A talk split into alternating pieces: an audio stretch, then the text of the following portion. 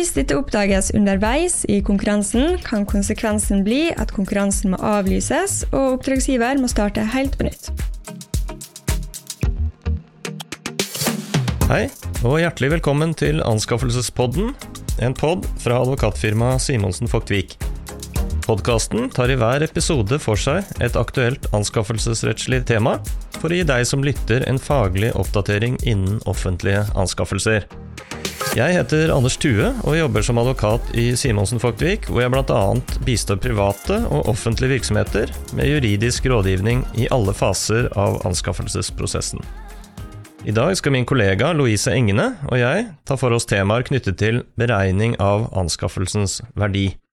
Dette er temaer vi har vært innom i Anskaffelsespodden tidligere. Allerede i Anskaffelsespodden episode 1 hadde vi en gjennomgang av reglene knyttet til kontraktsverdi og rammeavtaler. Og i episode 15 gikk vi nærmere inn på hva som utgjør lignende kontrakter i forbindelse med disse beregningsreglene. I dag skal vi se mer overordnet på reglene og dykke ned i et par andre problemstillinger knyttet til nettopp beregningen av anskaffelsens verdi. Velkommen i studio, Louise. Kan du presentere deg selv for lytterne våre? Hei, jeg heter Louise Engene. Jeg har jobba i Simonsen Fogtvik i snart et år. Her jobber jeg med offentlige anskaffelser, konkurranserett og EU-rett. Og innenfor offentlige anskaffelser så bistår jeg både oppdragsgivere og leverandører. Beregning av anskaffelsens verdi er noe av det første oppdragsgivere må tenke på.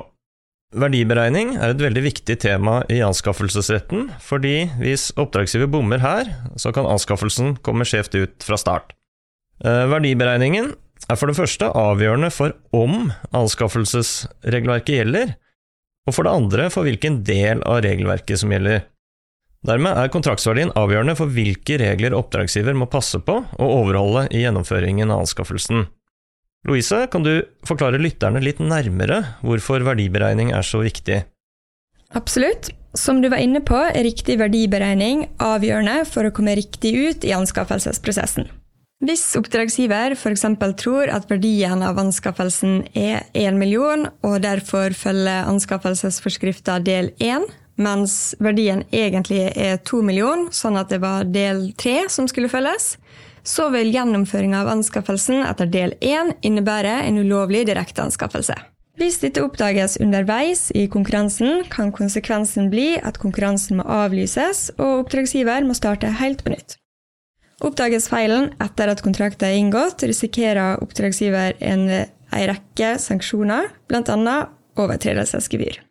Det er altså både tid- og kostnadsbesparende å foreta en grundig verdiberegning. Anskaffelsesforskriften gir nokså omfattende regler om hvordan anskaffelsens anslåtte verdi skal beregnes. Eh, hvorfor har vi disse reglene? Formålet med reglene er nok todelt. For det første er formålet å gi veiledning gjennom utfyllende regler om verdiberegning i ulike situasjoner og ved forskjellige typer anskaffelser. Men poenget med reglene er også å forhindre at oppdragsgiver kan dele opp anskaffelsen for å unnta kontrakter fra anskaffelsesforskrifta sine regler. Overordna gjelder at oppdragsgiver skal beregne kontraktens verdi på grunnlag av et anslag over den samla betalinga, og dette anslaget skal inkludere enhver form for opsjon som er fastsatt i anskaffelsesdokumentet. Det kreves ikke at vurderinga som gjøres er helt presis, men den må være forsvarlig ut fra det man vet på tidspunktet for kunngjøring av konkurransen. Hvis oppdragsgiver består av flere separate driftsenheter, må man også huske på at verdien for alle enhetene må tas med i beregninga. Og det kan være en utfordring i store system. I noen tilfeller der driftsenheten sjøl er ansvarlig for anskaffelsen, trenger man likevel ikke å se på den samla verdien. Dette er et typisk tilfelle der enheten sjøl gjennomfører anskaffelsesprosessen og treffer avgjørelse om kjøp, råder over et separat budsjett for den aktuelle anskaffelsen, sjøl inngår kontrakter og finansierer kontrakter over et budsjett som enheten råder over. Hvis oppdragsgiver bare organiserer anskaffelsen på en desentralisert måte, vil det ikke være tilstrekkelig. Nei. Eh, hva annet har betydning for verdiberegningen? Som vi var inne på, gjelder som et utgangspunkt for alle anskaffelser at verdien skal beregnes på grunnlag av et anslag over den samla betalinga, inkludert enhver form for opsjon. Hvis det f.eks. fremgår av anskaffelsesdokumenter at oppdragsgiver skal anskaffe ti nye ambulanser, men at det også skal være mulig for oppdragsgiver å senere kjøpe fire ambulanser til, så skal verdien av disse potensielle ekstraleveransene også regnes med.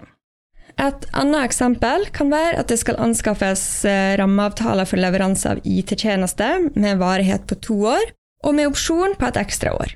I beregninga av denne anskaffelsens verdi så må oppdragsgiver legge til grunn at opsjonen vil bli benytta, sånn at rammeavtalenes varighet blir tre år.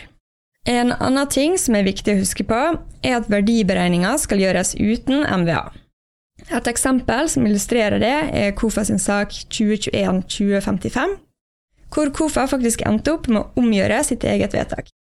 KOFA hadde ilagt Tysvær kommune et overtredelsesgebyr på 170 000 kroner for brudd på kunngjøringsplikta. KOFA hadde lagt til grunn at verdien på prosjekteringstjenestene som skulle anskaffes, oversteg terskelverdi for kunngjøringsplikt på 1,3 million. Uten MVA så var imidlertid verdien like i overkant av 1,1 million, og dermed lavere enn terskelverdi for kunngjøringsplikt.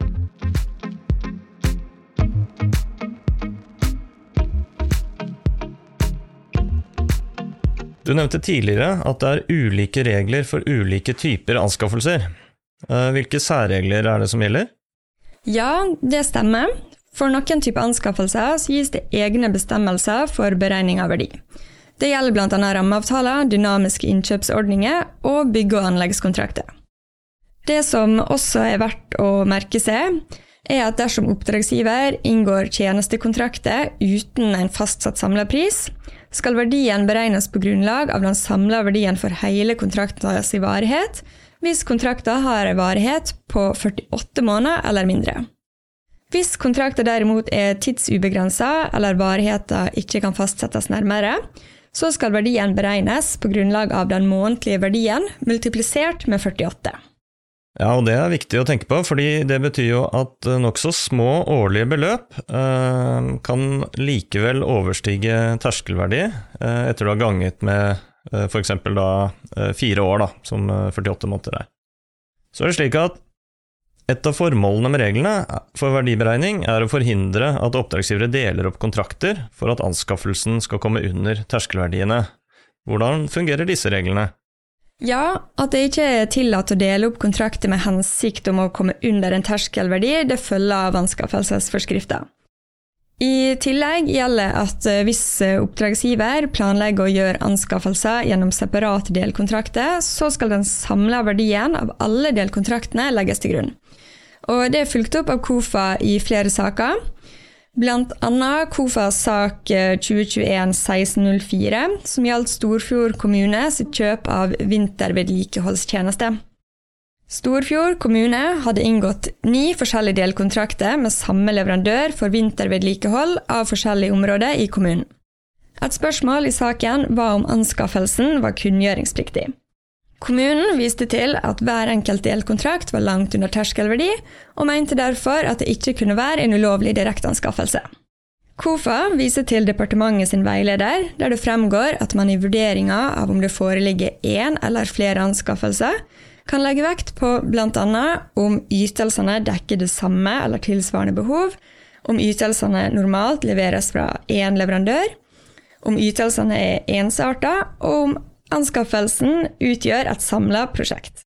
Og I den konkrete vurderinga vektlegger klagenemnda nettopp bl.a. at det i saken dreide seg om flere kontrakter om vintervedlikehold for samme oppdragsgiver, med like kontraktsvilkår, og at den eneste reelle forskjellen mellom kontraktene var områder som skulle brøytes. Konklusjonen ble at de ni delkontraktene måtte anses som én anskaffelse, sånn at den samla verdien av delkontraktene måtte legges til grunn ved verdiberegninga av anskaffelsen. En side til dette med ulovlig oppdeling er tilfeller hvor det regelmessig gjøres innkjøp av det som regnes som lignende kontrakter. Dersom oppdragsgiver regelmessig inngår kontrakter, følger det av forskriften at kontraktens verdi skal beregnes på grunnlag av samlet faktisk verdi av lignende kontrakter innenfor en bestemt periode. Da kan det oppstå spørsmål både om hva som er regelmessig, og ikke minst hva som er lignende kontrakter.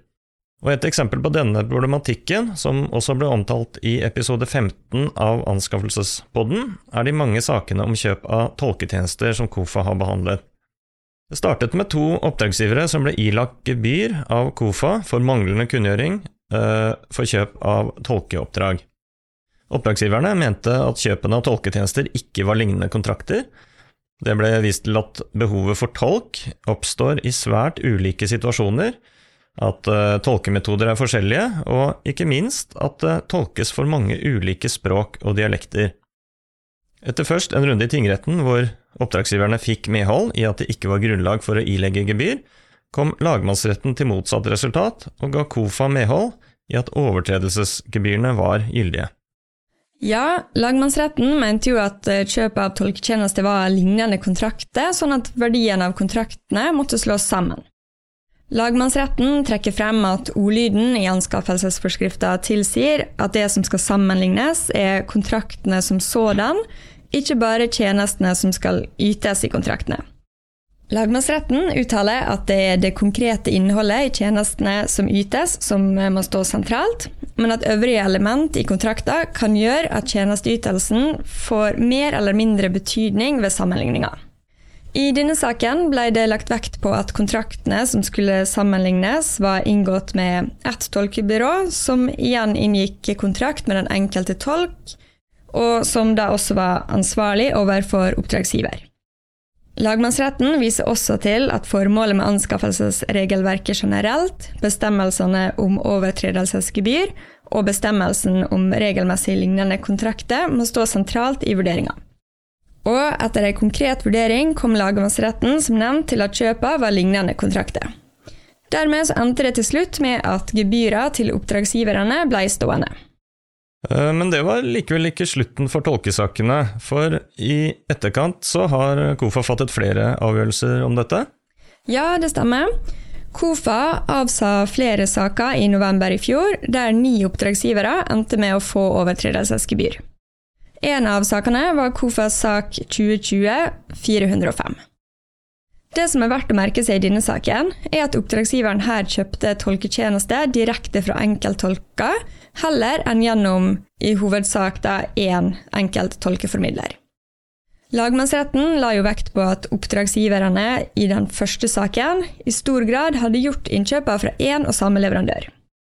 KOFA sin avgjørelse om å ilegge overtredelsesgebyr i denne saken viser da imidlertid at KOFA mener at det ikke er avgjørende om innkjøpet er gjort fra bare én eller mange ulike leverandører. Ok. Um, Louise, la oss foreta en kort oppsummering. Som vi har gjennomgått, er verdiberegningen viktig for å unngå å komme skjevt ut med anskaffelsen. Verdien har betydning for hvilken del av anskaffelsesforskriften som må følges, og trår man feil her, kan anskaffelsen bli en ulovlig direkteanskaffelse. Husk at verdien av en anskaffelse skal inkludere verdien av alle opsjoner, men at verdien skal beregnes uten MBA. Ved anskaffelser som gjelder flere delkontrakter, kan det være lurt å tenke en ekstra gang på om delkontraktene utgjør én eller flere anskaffelser. Og inngår man gjentatte ganger kontrakter som ligner på hverandre, er det verdt å tenke på om også disse verdiene av de kontraktene må ses samlet. Da runder vi av og takker for oss. Louise, tusen takk for ditt bidrag i denne episoden. Bare hyggelig. Tusen takk til våre lyttere. Husk å følge Anskaffelsespodden enten på Spotify eller Apple Podcasts for å få med deg de siste episodene. Har du spørsmål til Anskaffelsespodden eller temaforslag, send oss gjerne en e-post til podkast at svw.no. Ha det bra!